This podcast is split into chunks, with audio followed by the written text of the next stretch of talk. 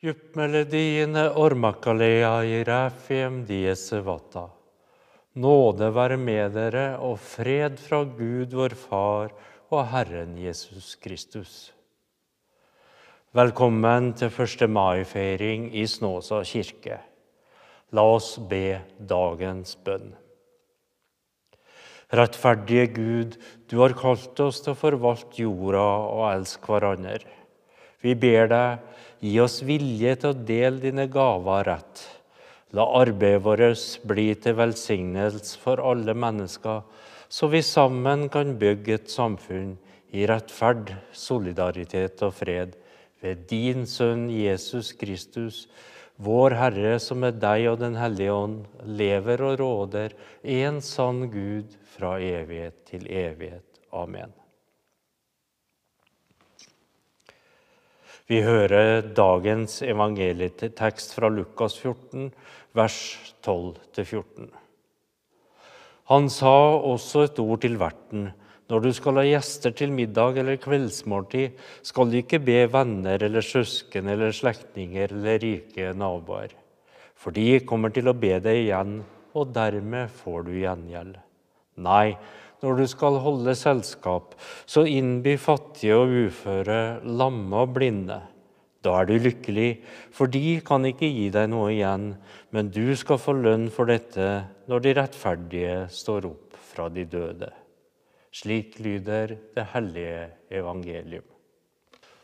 Kjære kamerater, kjære menighet. Helt siden 1890 har vi feira og kjempa 1. mai, både i Norge og resten av Hvala. At det ble 1. mai som ble kampdagen for arbeiderne, kom et, på bakgrunn av et forslag fra fagorganiserte i USA. Der hadde politiet skutt og drept fire demonstranter under en generalstreik i Chicago. Arbeiderne streika for åtte timers normalarbeidsdag, og den 4. mai, fire dager etter at streiken starta, ble altså fire demonstranter drept.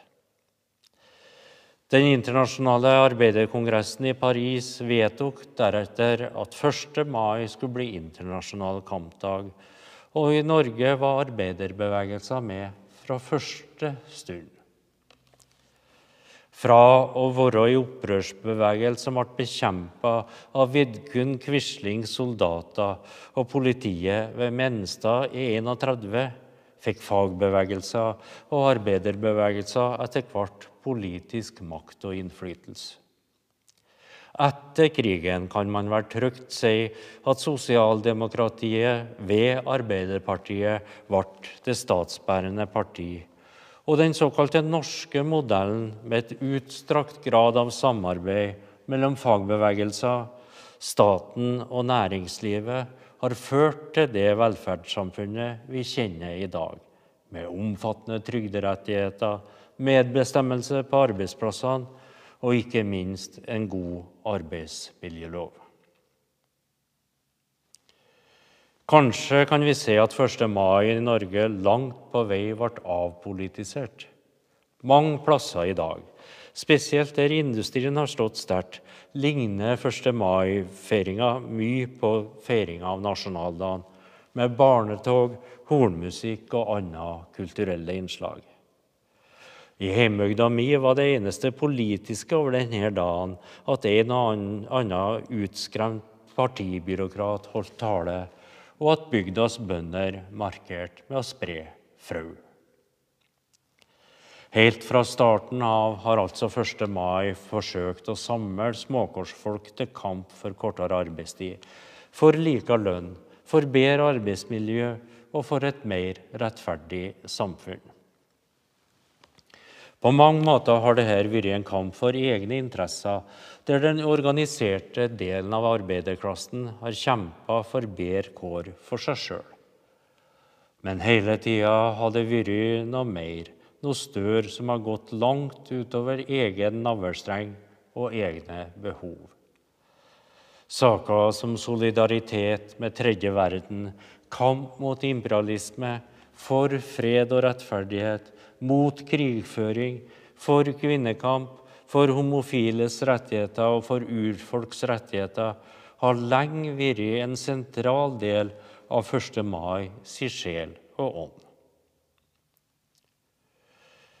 1. mai er et ektefødt barn av sosialismen. Som sådan bør det heller ikke forundre at kirka av og til har vært ei skyteskive. Ned med tronen, alteret og pengeveldet, heita det i hin hårde dager. Salige Marx og engelsk hadde i sin analyse slått fast at religion var opium for folket.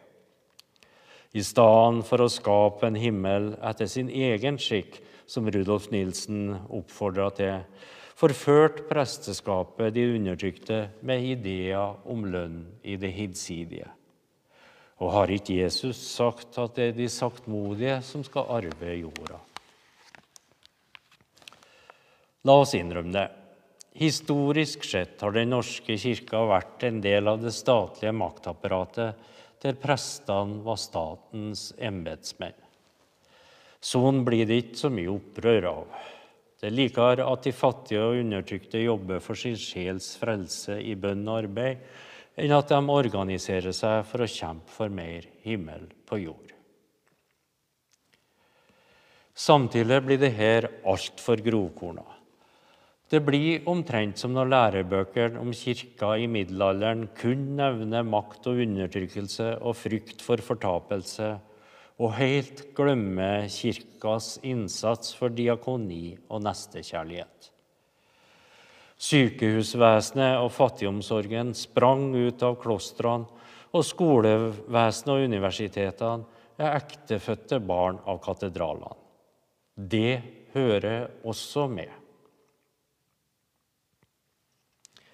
Sjølsagt har kristendommen sin berettiga plass i kampen for et varmere, åpnere og mer solidarisk samfunn. Jesus snakker om nestekjærlighet, den kravløse omsorgen for dem som ikke kan gi noe igjen. Vi hørte i dagens evangelietekst. Nei, når du skal holde selskap, så innby fattige og uføre, lamme og blinde. Da er du lykkelig, for de kan ikke gi deg noe igjen, men du skal få lønn for dette når de rettferdige står opp fra de døde. Det her er å slå slag for en solidaritet som strekker lenger enn egne klasseinteresser, utover ren brødpolitikk. Og det Jesus sa, var ikke noe nytt. Fra Det gamle testamentet tordner Gud mot de hårde hjerter, den som stjal fra de undertrykte, enkene og de farløse. Hos profeten Amos heter det:" Hør dette, dere som tråkker fattige ned og gjør ende på de hjelpeløse i landet. Dere sier, når, når er nymånefesten over, så vi kan selge korn, og sabbaten, så vi kan åpne kornsalget? Da gjør vi målet for lite og prisen for høy og fusker med falske vekter. Da kjøper vi småkorsfolk for penger, en fattig for et par sandaler og selger avfallskorn. Herren har sverget ved Jakobs stolthet. Aldri vil jeg glemme noe av det de har gjort. Tanken om hvert menneskes iboende verdighet i kraft at vi er skapt i hans bilde, har bestandig vært der. Og Paulus sa alle dere som er døpt til Kristus, har kledd dere i Kristus. Her er ikke jøde eller greker, her er ikke slave eller fri, her er ikke mann og kvinne. Dere er alle én i Kristus Jesus. Kristendommens alfa og omega er kjærlighet og en erkjennelse av at vi alle djupest sett er ett. Sjølsagt er kristne og Kristus for rettferdighet, for solidaritet og mot undertrykkelse og urett. Samtidig har vi med oss en sunn skepsis mot massenes blodtørstige kraft, der menneskemengden lar seg hisse opp til å rope 'korsfest, korsfest'. Kanskje kan den ryggmargsrefleksen bidra til at vår felles kamp for rettferdighet og mot undertrykkelse ikke bikker over i intoleranse og overgrep.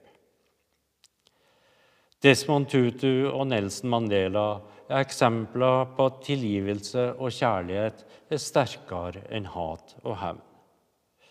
Den franske revolusjonen endte i et blodbad der den til slutt spiste sine egne. Tutu og Mandela viser kjærlighetens og tilgivelsens kraft. I år er det ti år siden terroren på Utøya, der ondskapen vandra omkring mens han skjøt våre barn. Med rette har vi som nasjon blitt beundra for våre blomstertog og vår stillferdige og verdige sorg.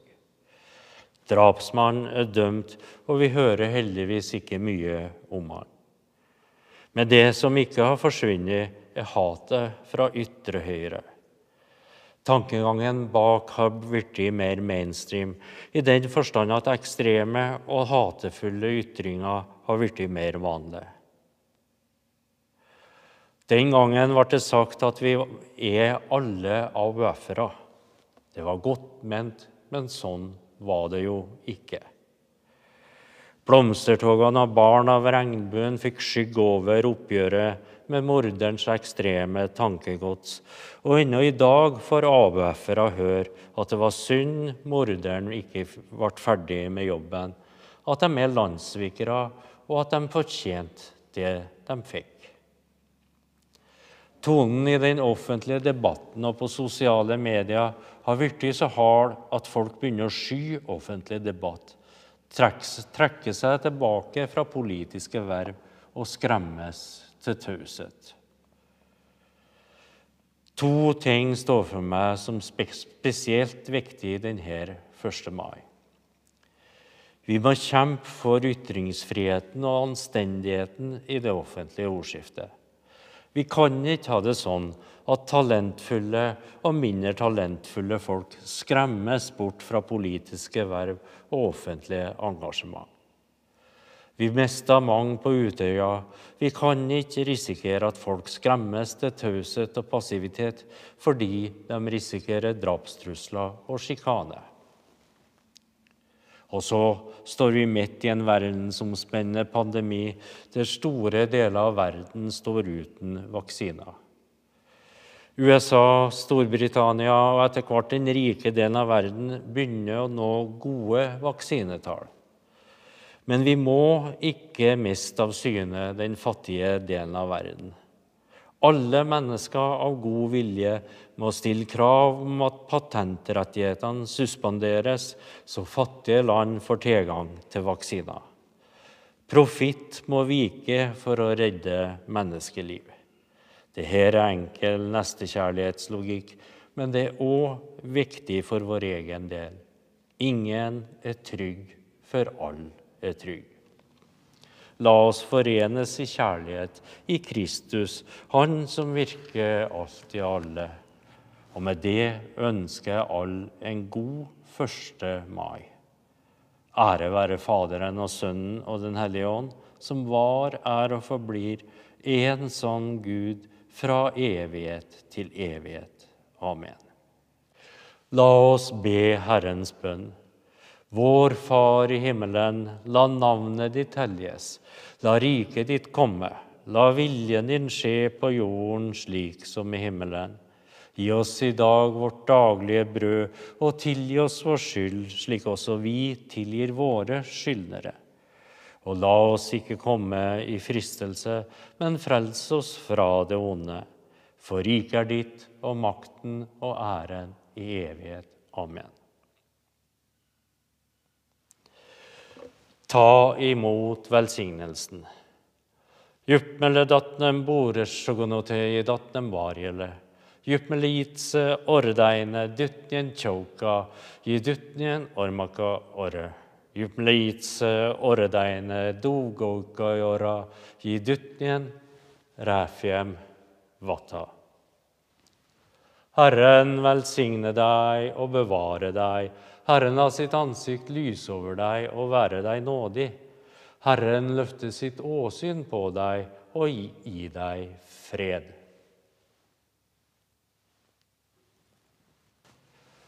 Gå i fred, tjen Herren med glede og hvil i Guds nåde.